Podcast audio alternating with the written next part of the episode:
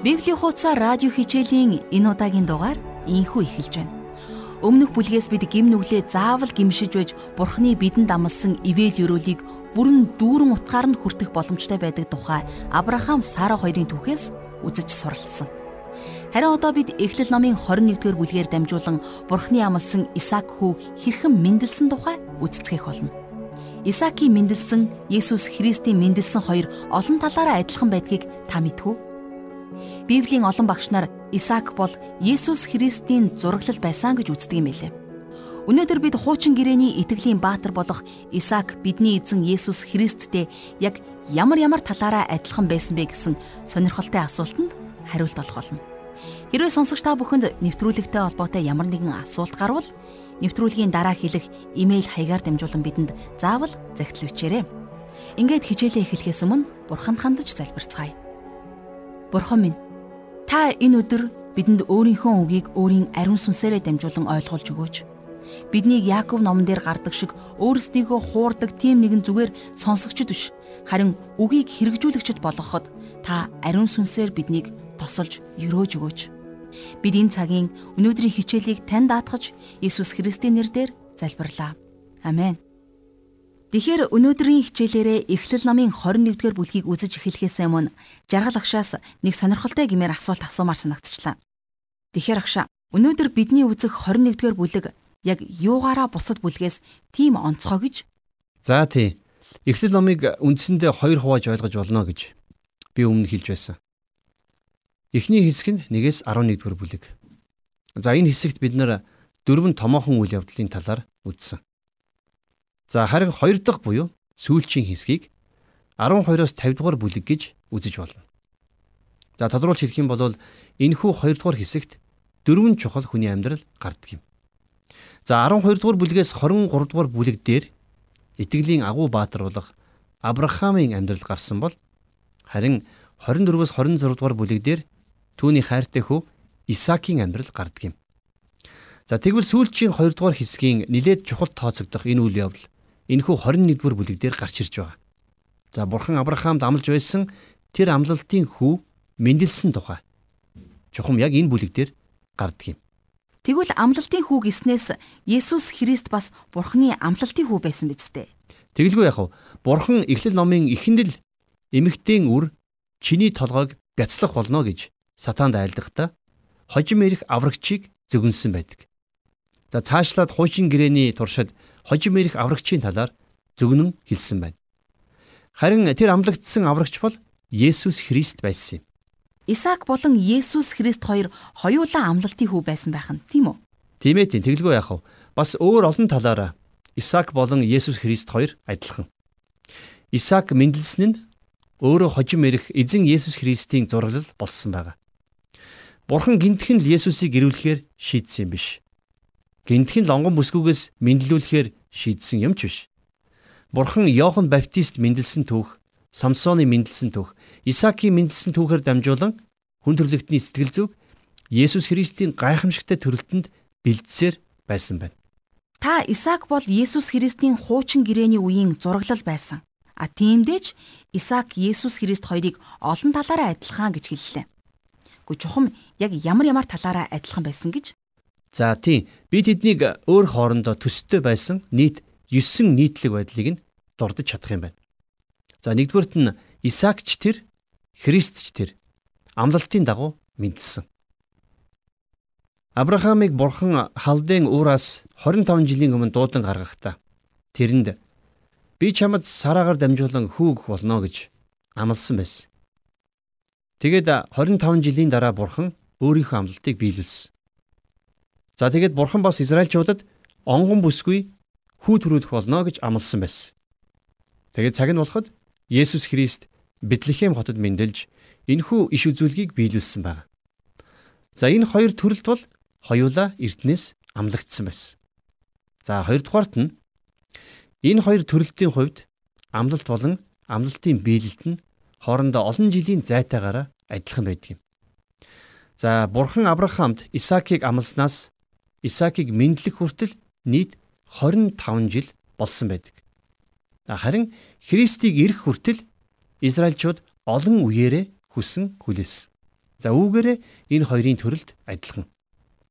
За 3 дугаарт нь Сара болон Мария хоёрт хүү төрүүлнэ гэдэг хоёуланд нь идэхэд бэрх байсан юм. За Тэнгэр илж Содом хотыг устгахаар явж байхдаа Авраамынхаар дайран гарч Исаак мэдлэх болно хэмээн тунхаглаж байсныг та бүхэн санаж байгаа. Сара тэр тухай сонсоод итгэхгүй шоолон инээж байсан. За тэгвэл Есүсийг мэдлэх болно гэж хэлэх үед нь хамгийн түрүүнд Мария эргэлзэж байсныг бас та санаж байгаа. За энэ тухай Лук номын 1:34 дээр Мария би онгон атал энэ нь яаж бүтэх вүлээ гэж эргэлдсэн тухай тэмдэглэгдэн үлдсэн байна. За дөрөвдүгüрт нь Исаак Есүс хоёрт хоёуланд нь мэдлэхээс нь өмнө урдчлан нэрийг нь хайрлсан байдаг. За Авраам Сара хоёрыг хүүтэй болж хүүдээ Исаак гэж нэр өгөх болно гэж урдчлан хэлсэн. За тэгвэл эзэн Есүсийг ч гэсэн бас мэдлэхээс нь өмнө Тэнгэр илч нэрийг нь Йосефт хэлж өгсөн байдаг. За энэ тухай Матай 1:21 дээр түүнийг хүү төрүүлэхэд чи түүнийг Есүс гэж нэрлэл. Учир нь тэр өөрийн ард түмнийг нүглээс нь аварна гэж хэлсэн байна. Исаак Есүс хоёр хоёулаа урдаас товлсон цагт мэдлсэн баха. А яг үнэн. За тэгвэл 5 дугаарт нь Исаак Есүс хоёр хоёулаа Бурхны товлсон цагт мэндэлсэн. За энэ бүлгийн 2 дугаар ишлэлдэр Бурхны тогтоосон цагт Сара Исаакийг төрүүлсэн гэж бичсэн байдаг. За харин Галаад хотынд бичсэн загтлынхаа 4 дугаар бүлгийн 4 дугаар ишлэлдэр Илч Паул Есүсийн мэндэлсэн талаар тэмдэглэн үлдээхдээ харин цаг нь болоход Бурхан эмэгтэй хүнээс хуулийн дор төрөх өөрийн хүүгээ илгээсэн юм а гэж бичсэн байна. За 6 дугаарт нь тэр хоёрын мэндэлсэн нь хоёулаа гайхамшиг байсан. Хүний нүдээр харах юм бол Сара Исаакийг төрүүлэх ямар ч боломжгүй байсан. Харин Есүсийн хувьд хүнээс ямар ч хамааралгүйгээр мэндэлсэн. За 7 дугаарт нь энэ хоёр хүү хоёулаа эцгүүдийнхээ баяр хөөрнөс. Авраам Сарагаас төрсэн хүүдээ Исаак буюу орчуулах юм бол инээмсэглэл гэдэг нэр өгсөн байна. Анх бурхан түүнд хүү өгөх болно гэж амлаж байх үед Авраам баярлаж хөөрсөндөө инээд алдаж байсныг талаар санаж байгаа. Харин Есүсийн хувьд Матай 3:17 дээр энэ бол миний хайртай хүү түүнд миний таалал оршдгоо гэх дуу гарлаа гэж бичигдсэн байдаг. За тэгэхээр үүнээс харах юм бол Исаак Есүс хоёр хоёулаа эцгүүдийнхээ баяр хөөр болсон хөвгүүд байсан. За 8 дугаарт нь энэ хоёр хүү хоёулаа үхэл хүртлээ эцэгтэй дуулууртай байсан. 22 дугаар бүлэг дээр бид Исаакийг аав нь тахил болгон өргөж байгаа тухай үзэх болно. За тэр үед Исаак 8, 9 настай жаахан хүүхэд байгаагүй. Барагцаал бол 13 орчим настай байсан. А гэтэл юм юмны учрыг ойлгох болсон тэр үедээ ч гэсэн Исаак хүү эцэгтэй дуулууртай л байсан. За бидний эзэн Есүс ч гэсэн мөн адил үхэл хүртэл дуулууртай байж чадсан. За тэгэхээр Есүс Христийн төрөлт хийгээд амьдрал нь за Исаакийн төрөлт болон амьдрал хоёулаа үнэхээр гайхамшигтай. За эцэст нь буюу 9 дугаарт нь Исаакийн гайхамшигтай төрөлт нь Христийн амьлалтын зурлал болдог. За Ромын 4:19 дээр Илч Паул Авраамийн талаар тэмдэглэн бичгтээ Тэр 100-аад насалсан тул биеийнхээ бараг үхснийг болон Сарагийнх нь умаа өхмөл болсныг мэдсэн хэдий ч итгэлээр дорой болсонгүй гэж бичсэн байсныг бид нар уншиж байсан. Тэгэхээр үхлээс амьдрал бий болохыг амьлалт гэж ойлгож болно. За тэгвэл Паул Ром номын 4:25 дээр энэ талаар онцлохдоо. Есүс бидний нүгэл хилэнцээс болж тушаагдсан бөгөөд бидний зөвтгөлийн төлөө амьлуулагдсан юм гэж тэмдэглэсэн байна. Энэ бүхнээс бид нар Исаакаас Есүс Христийн зураглалыг тодорхой олж харж чадна. Баярлалаа жаргалагш. Үнэхээр Исаак бол Есүс Христийн хуучин гэрэндэх зураглал байсан юм байна гэдгийг мэдэж авлаа. Сонсогчд маань ч гэсэн ойлгож авсан гэдэгт итгэлтэй байна. За ингээд хичээлд орцгох уу? За тэгье. За өнөөдрийн үзэх Эхлэл 21-р бүлэг дээрээс бид нар саяын дурдсан зүйлсийг илүү дэлгэрэнгүй үзэх болно. За ингээд Эхлэл номын 21-р бүлгийг нээцгээе. Нэгээс хоёр дугаар ишлэлдэр эзэн хэлсэн ёсороо Сарагийн дайлчилж за мөн эзэн амласан ёсороо Сарагийн төлөө үлджээ. Сара жирэмсэлж Бурхны түүнд хилж тогтоосон цагт нь нас өтөлсөн Авраамд хүү төрүүлж өгөв. За сайн анзаарах юм бол Исаакийн мэндэлсэн, Христийн мэндэлсэн хоёр хоорондоо их төстэй байдаг. Исаакийн мэндэлсэн энэ түүх нь хожим ирэх Христийг зураглан дүрслэн харуулсан явдал байсан гэж би хувьдаа итгэдэг. За Исаак бол амлалтын хүү байсан. За энэ тухай Галаатын 4-ийн 4 дээр харин цаг нь болоход Бурхан эмэгтэй хүнээс хуулийн дор төрөх өөрийн хүүгээ илгээсэн юм а гэж Илж Паул тунгалсан байна. За цааш нь уншия. Авраам өөрт нь төрсэн хүүдээ буюу Сарагийн төрүүлж өгсөн хүүд Исаак гэдэг нэр өгөв. Исаакийг 8 хоногтой байхад нь Авраам Бурхны тушааснаар түүнд хөвч хөндөх ёслолыг үлджээ. Авраам өөрийнхөө Исаакийг төрөхөд 100 настай байлаа. Сара Бурхан надад инээмсэглэл авчирлаа. Сонсогч хэн бүхэн надтай хамт инех болно гэв. Сара Сара хүүхдүүдээ хөхүүлнэ гэж Авраамд хэн хэлэх байсан юм бэ? Гэлээч би Авраамыг нас хөдөлсөн үед нь хүү төрүүллээ гэв гэж хэлсэн байна. За сая бид нэр Эхлэл номын 21-ийн 3-аас 7 дугаар ишлэгийг уншсан. Тэгэхээр бид нар Исаакийн мэндэлсэн түүхээс хэд хэдэн гайхамшигтай чухал үннийг мэдэж авч чадна. За нэгдүгürt нь гэх юм бол Исаакийн төрөлт болвол тэр чигээрээ гайхамшиг байсан байна. За ер нь ер бусын төрөлт байсан гэж хэлэхэд болно. Ромын 4-ийн 19 дээр Илж Паул хэлэхдээ тэр 100-аад насалсан тул биеийнхээ бараг үхснийг болон Сарагийнх нь умаа өхмөл болсныг мэдсэн хэдий ч итгэлээр дорой болсонгүй гэсэн байдаг. Тэр үнэхээр хүний нүдээр харах юм бол боломжгүй төрөлт байсан.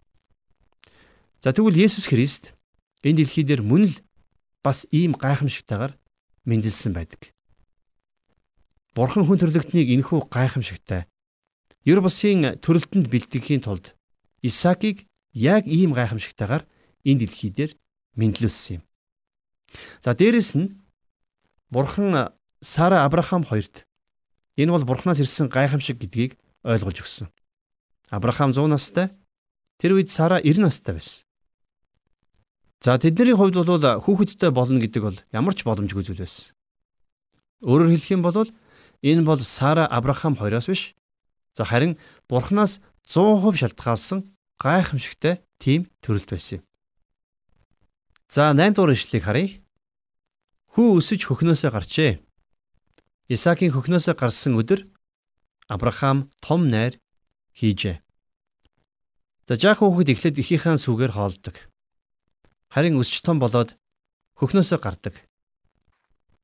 За хүүхдийг угжих үед нялх хүүхдүүд сүйтэй угжийг авахын тулд яаж хөл гараа хөдөлгөж сарвааж уйлж зүтгэж байдаг лээ дээ. За тэгвэл бас энэ талаар Петрийн 1-р загтлын 2-ын 2 дээр итгэгч биднийг яг ингэж Бурхны үгийн төлөө тэмүүлээрэ гэж ятгсан байдаг. За энэ ингэж бичсэн байдгийн. Үгийн цэвэр сүг нялх хүүхдүүд адил хүсэн тэмүүл. Ингэснээр та нар үүгээр авралт хүртлээ өсөх юмаа гэсэн байна. Тэгэхээр Бурхны үгийг сүү шиг хүсэх тэр мэдрэмж үнэхээр сайхан. Шинэ итгэгчдэд энэ мэдрэмж маш их хүчтэй байдаг. А гэхдээ итгэлээр өсөх цаг бүх шин итгэгчдэд бас ирдэг. За Библийн зөвхөн нэг хэсгийг унших биш. Харин Библийг бүхлээр нь унших шаардлагатай болох цаг ирдэг юм. Бид нар бүгдээрээ итгэлээрээ өсөх ёстой. Итгэлээр үргэлж нялх хүүхд шиг байж болохгүй шүү дээ. За Еврей номын 5 дугаар бүлгийн 13-аас 14 дээр Учир нь сүүгээр амьдрагч хүн бүр зөвхт байдлын үгэнд гаршаагүй байдаг. Ягд гэвэл тэр хүн балчаар ажээ. Харин бор хоол нь төлөвшсөн хүмүүс зориулагддаг. Тэд дадлагжуулдаг учраас мэдрэмж нь сайн, мууг ялгахад суралцжээ гэж бичигдсэн байдаг. За тиймээс бид нэр итгэлээрээ өсөх ёстой гэдгийг бити мартаарай. За 9-аас 10 дугаар ишлэгийг харъя. Египт бүсгүй Хагарын Авраам төрүүлсэн хүүн Исаакийг дооглож байгааг Сара хараад Авраамд хандаж Энэ зарц бүсгүй түүний хүү хоёрыг зайлуул. Энэ зарц бүсгүй хүү миний хүү Исаактай хамт өв залгамжлахгүй гэжээ. За бяцхан Исаак мэндэлснээр шинэ асуудлууд дэгдэн гарч байна. За энэ хэсэг дээрээс харах юм бол Хагарын хүү Ишмайл Исаакийг доогөлж байгаад баригдсан байна. За бид нар эндээс Ишмайл гэж ямар хүн бэ гэдгийг олж харж байна. За энэ хэсгийг хүртэл бид Ишмаилийн талаар нилээд эерэг төсөөлттэй байсан. Хөөхөн ааштай, хөөхөн хүү гэж бүгд л бодож байсан байх. Гэтэл гэр бүлд нь шинэ хүн мэндэлснээр Ишмаил өөрийнхөө тарыг таниулж эхэлсэн. Энэ бол итгэгч бидний дотор болдог үйл явдлыг зураглан харуулсан нэг ёсны жишээ юм. За үнэн дээр итгэгч бидэнд хоёр өөр мөн чанар байдаг. Бид нар Христэд итгэх хүртлээр өөрсдийнхөө хуучин мөн чанараараа хөтлөгдөж амьдардаг. Өөрийнхөө юу хүсснээ л үлдэж амьдардаг гэсэн. Харин бид дахин төрөх үедээ бид цоо шин мөн чанарыг хүлээн авдаг юм. Тэгээд бид нар энэхүү шин мөн чанарыг хүлээн авах үедээ жинхэнэ зөрчилтэй тулгарч эхэлдэг. За Ромын 7-гийн 19 дээр бидний энэхүү хуучин шин хоёр мөн чанарын хоорондын тэмцлийн талаар Паул хэлэхдээ би өөрийн хүсдэг сайныг хийдэггүй харин хүсдэггүй бузар мууга хэрэгжүүлдэгэ гэж бичсэн байна. За өөрөөр хэлэх юм бол хэдийгээр бидний шин мөн чанар тухайн зүйлийг хийхийг хүсэхгүй байсан ч гэсэн бидний хуучин мөн чанар түүнийг нь хийхийг хүсэж байдаг. За тэгээд хуучин мөн чанар нь эцэстээ дийлдэг байна. Цаг нь ирэхэд та цаашид энэ хоёр мөн чанарынхаа альнаар нь хөтлөгдөн амьдрах вэ гэдгээ сонгох сонголттой тулгарх болно. Та нэг бол ариун сүнс таны амьдралыг удирдахыг зөвшөөрөх а эсвэл махан биеийнхэн хүслээр цаашид амьдрсаар байх хоёрын аль нэгийг сонгох хэрэгтэй болдог. Бурхны хүүхэд болох танд энэ хоёроос өөр гурав дахь зам гэж байдаггүй. Зарц бүсгүй хүүг зайлуулах ёстой. За үүний адилаар бид хуучин мөн чанараа зайлуулах ёстой. Эхлэл ном бидэнд үүнийг хэлж байгаа. Зарц эмэгтэй хагаар болон түүний хүүг зайлуулах ёстой гэж бидэнд сургасан. За Эхлэл номын 21-р бүлгийнхээ 11-р ишлэгийг харъя. Хүүгийнхэн талаар энэ зүйл Авраамыг ихэд зовоов. Гэхдээ юу ч болсон байлаа гэсэн эцсийн эцэст Ишмаил яг л Исаак шиг Авраамийн мах цусны тасархай нь үнэн. Исаак дөнгөж мэндэлсэн болвол харин Ишмаил тэр гэр бүлд нилээд олон жил хамт амьдарч за Авраамд илүү ойр дотн болсон хүн байсан. Ийм ижил дасал болсон хүүгээ хөөж явуулна гэдэг Авраамд маш хэцүү байсан ойлгомжтой. А гэхдээ би өмнө нь хэлж байсан зүйлээ одоо дахин давтан хэлмээр байна. Сара Авраам хоёрын хүлээн зөвшөөрсөн зүйлийг Бурхан хүлээн зөвшөөрөөгүй юм. Сара Авраам хоёр Хагарыг Хагарын хүү Ишмаилыг хүлээн зөвшөөрсөн байж болох ч гэсэн Бурхан тэднийг бол хүлээн зөвшөөрөөгүй. Учир нь энэ бол гим нүгэл байсан. Бурхан хүлээн зөвшөөрөөгүй, цаашид ч хүлээн зөвшөөрөхөргүй байсан. За тийм ч учраас энэ шийдвэр Авраамийн хувьд үнэхээр хэцүү, зүрх зүсэм зүйл байсан. Гэхдээ энэ хүнд асуудлыг шийдэхийн тулд Авраам тэднийг явуулахаас өөр аргагүй болж байгаа. За Сарач цаашид хүүхдээ шоолуулж дооглуулж байж тэсэхгүй гэдгээ Авраамд хэлчихэд байдаг. Тэгэхээр итгэгчид бид нар ч гэсэн яг энэний адилаар дотроо хоёр мөн чанарыг тээгээд амар тайван амьдрч чадахгүй. Та бид нар шийдвэр гаргах ёстой. За энэ талаар Яаковын загтлын 1:8 дээр Яаков хэлэхдээ Тэр хүн хоёр санаа өвөрлөгч бөгөөд бүх зүйлдээ тогтворгүй байдаг юм а гэсэн байдаг. Өнөөдөр маш олон итгэгчид бурхантай хамт алхангаа энэ дэлхийдээ хамт байхыг хүсдэг. Энэ хоёрыг хослуулах гэж оролдоно гэдэг бол ердөөсөө зүгээр сүнсний шизо тусчээ гэсэн үг. Ингэх ямар ч боломжгүй. Эртээр үед грекчүүд хос морь хөллөөд дээр нь нэг хүн жолоодод уралддаг тийм морин уралдаан зохион байгуулдаг байсан. За жолооч нь нэг хөлөөрөө нэг морины нуруунд дээр нөгөө хөлөөрөө нөгөө морины нуруунд дээр гიშгээд уралддаг байж. За хоёр морь хамт давхиж байвал асуудалгүй л дээ. Гэхдээ хэрвээ салаад давхих юм бол хэрэг биш нэ гэсэн үг. За яг үүний адилаар та бидэнд хоёр өөр эсрэг тесрэг мөн чанар байдаг. Бид энэ хоёр мөн чанараа хамтд нь авч явах гэж оролддог. За харамсалтай нь энэ нь боломжгүй. Энэ хоёр мөн чанарыг нэгийг нь хар морь а за нөгөөх нь цагаан морь гэж үзэх юм бол хар морь нь нэг тийшээ давхина цагаан морь нь нөгөө тийшээ давхина. За энэ үед бид нар аль нэг морин дээр амжиж гарахгүй юм бол хэрэг биш нэ гэсэн. За бид нэг бол хуучин чанараар амьдрах, За эсвэл шин мөн чанараараа амьдрах ийм хоёр сонголтын өмнө гарцаагүй ирсэн байна.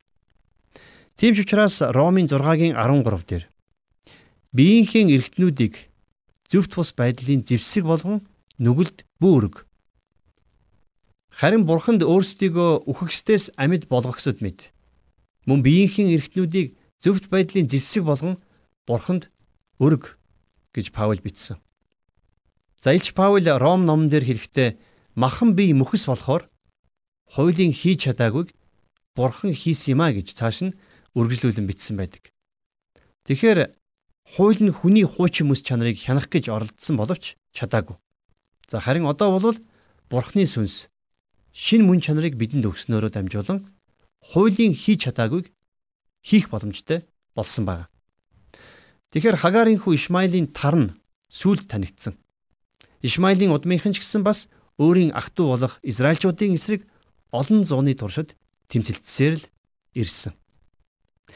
Одоо бурхан Авраамд болон Хагаар Ишмаил хоёрт өгөөмөр нэгүүлсэнгүү хандсныг бид нэр харах болно.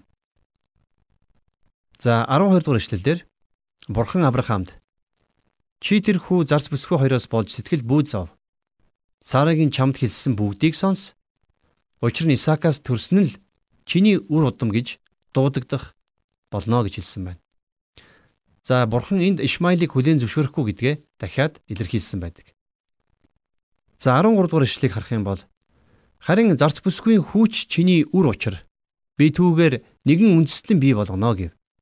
За бурхан Авраамд энэ хүү чиний үр учраас би энэ хүүгээс нэгэн агуу үндэстнийг бий болгоно гэж амласан байна. За өөрөөр хэлэх юм бол Ишмаилаас өөр нэгэн агуу үндэстэн үүсэж бий болно гэсэн үг. За 14-өөс 21-р ишлэлийг уншицгаая. Авраам өглөө эртлэн босож талх болон туламтай ус авч Хагарын мөрөнд үүрүүлээд хүүтэй нь хамт явуулжээ. Хагаар тэндээс гарч Бершибагийн зилүүд талаар тэнүүчлэн яв. Туламтай усан дуусаж Хагаар хүүгээ нэгэн ботны доор тавьж орхиод би хүүгийнхээ үххийг харж байж чадахгүйгээд харамсан сумны тусгалын газар очиж хүүгийнхээ эсрэг харж суугаад дууга өндөрсгөн уйлв. Бурхан хүүгийн уйлахыг сонсоод Бурханы тэнгэр элч тэнгэрээс Хагарыг дуудаж Хагара юу болсон бэ? Бүү ээ. Учир нь Бурхан тэнд байгаа хөвгүүний дууг сонсчээ. Бос хөвгүүнийг босгож гар дээрээ ав. Учир нь би түүгээр том үндэстэн бий болгож өгье гэв. Бурхан Хагарын нүдийг нээсэнд тэр усны ундраг олж хараад очиж тулмаа усаар дүүргэн хөвгүүндээ уулгалаа. Бурхан тэр хөвгүүнтэй хамт байж хөвгүн өсөж том болжээ. Тэр зилүүд талд амьдран сууж харваач болов. Тэр парааны зилүүд талд амьдран сууж ээжийн түнд Египт нутгаас ихнэр авч өгчээ гэсэн байна.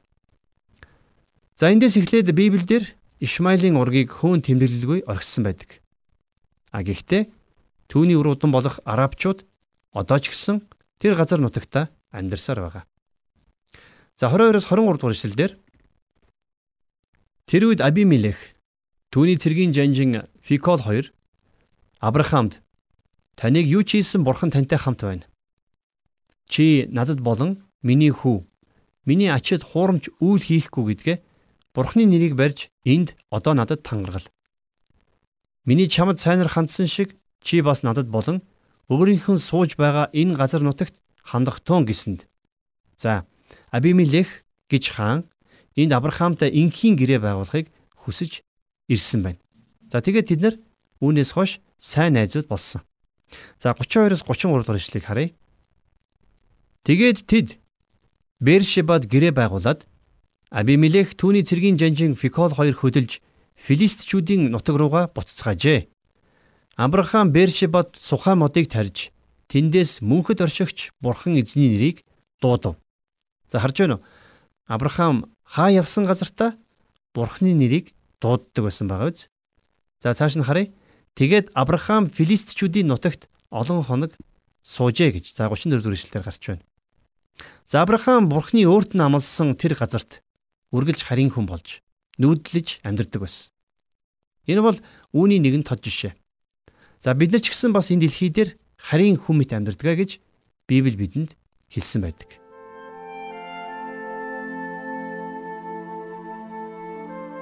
Тэгэхээр бидний бурхан бол амлалтаа биелүүлдэг бурхан.